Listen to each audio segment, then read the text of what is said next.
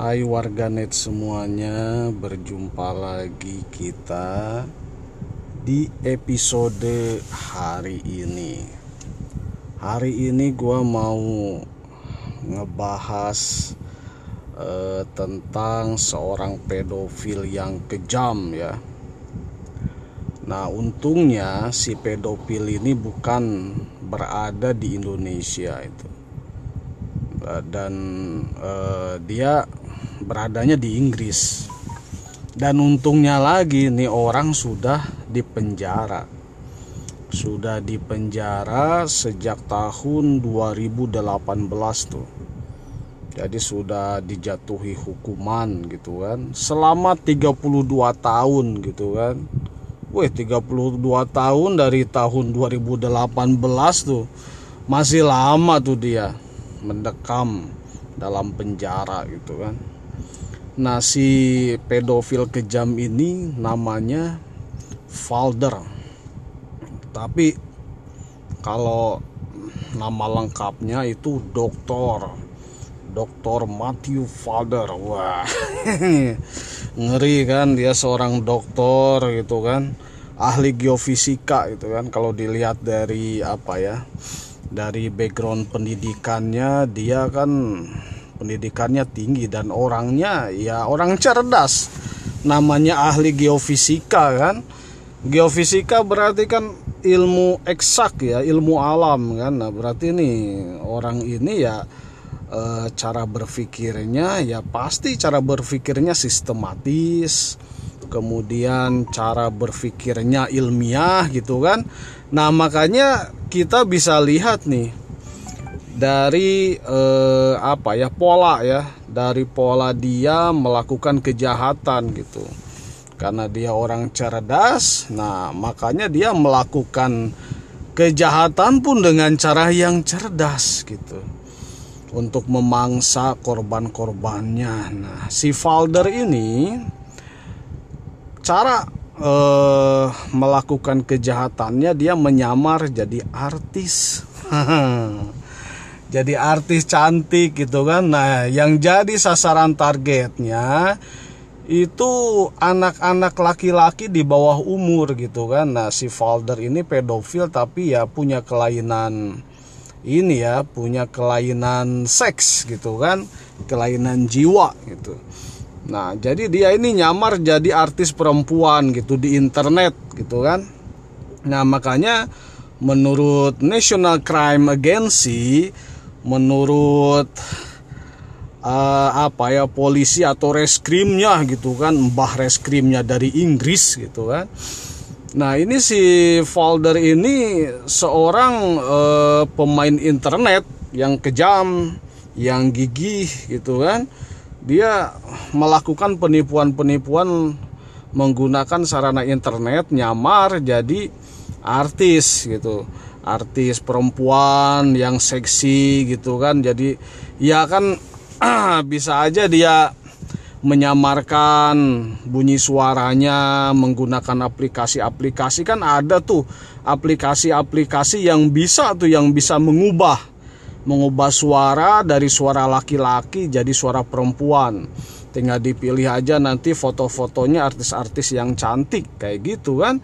Nah si folder ini kayak gitu dia. Dia nyamar jadi artis perempuan terus dia bikin akun kan akun media sosial. Nah terus dikirimilah foto-fotonya. Dia itu ke eh, akun-akun foto-foto yang anak-anak remaja bocil-bocil kayak gitu kan Nah, artisnya artis cantik. Coba aja kalau misalkan sekarang ya kan. Sekarang misalkan artis yang banyak digandrungi sama kaum-kaum Adam gitu kan, para para remaja misalkan hanya Geraldine dah.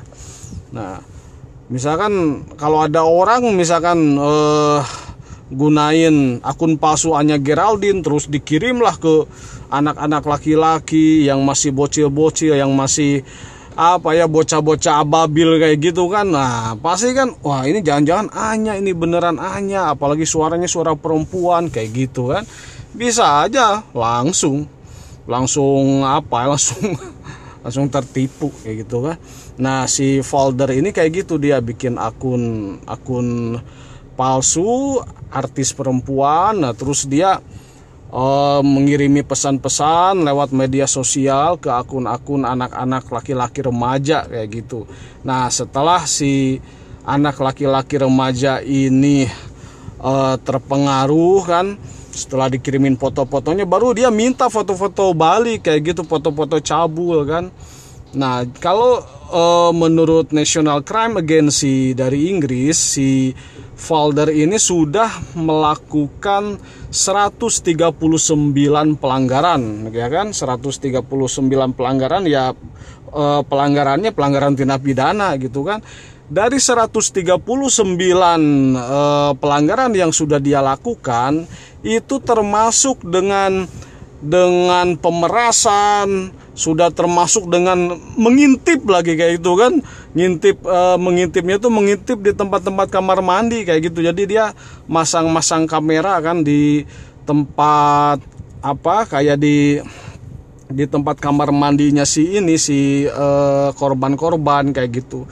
Malah yang lebih bejatnya lagi nih kelakuan si bangke ini kan kamar mandi orang tuanya pun itu pun dipasangin CCTV kayak gitu. Nah, namanya ini kan orang kelainan jiwa kayak gitu kan. Nah, jadi dari dari uh, kasusnya si Falder ini ini tidak menutup kemungkinan di lingkungan sekitaran kita ada juga yang mempunyai kelainan-kelainan jiwa, kelainan seks seperti ini, kayak gitu kan. Kan kita nih nggak mungkin bisa ngerubah. Misalkan orang yang suka uh, sesama jenis, kita paksakan supaya uh, penyakitnya itu sembuh. Kayak gitu kan. Apalagi kalau itu memang sudah bawaannya. Kayak gitu.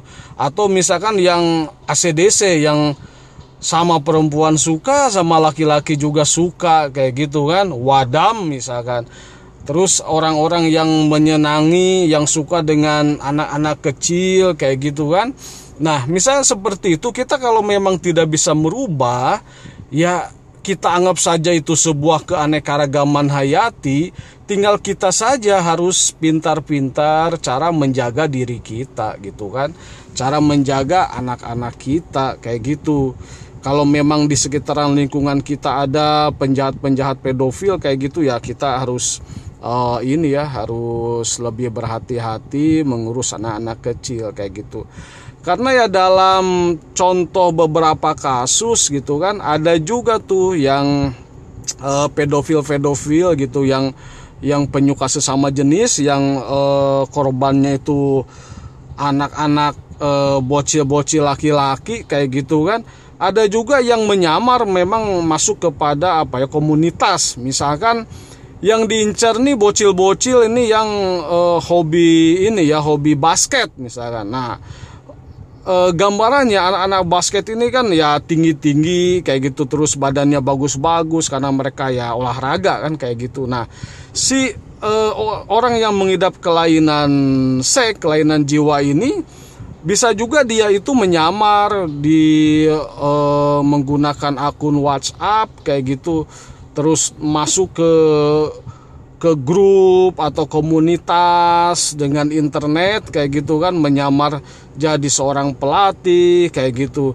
Menawarkan tips-tips jadi uh, pebasket yang baik. Akhirnya dia kiriminlah foto-foto cabul awalnya bercanda segala macam. Kalau udah didekati udah deket baru dimangsa kayak gitu. Banyak dah kejahatan-kejahatan seperti itu ya kayak gitu. Ya mudah-mudahan aja sih yang apa yang yang pedofil pedofil ini ya bisa berubah kayak gitu kan.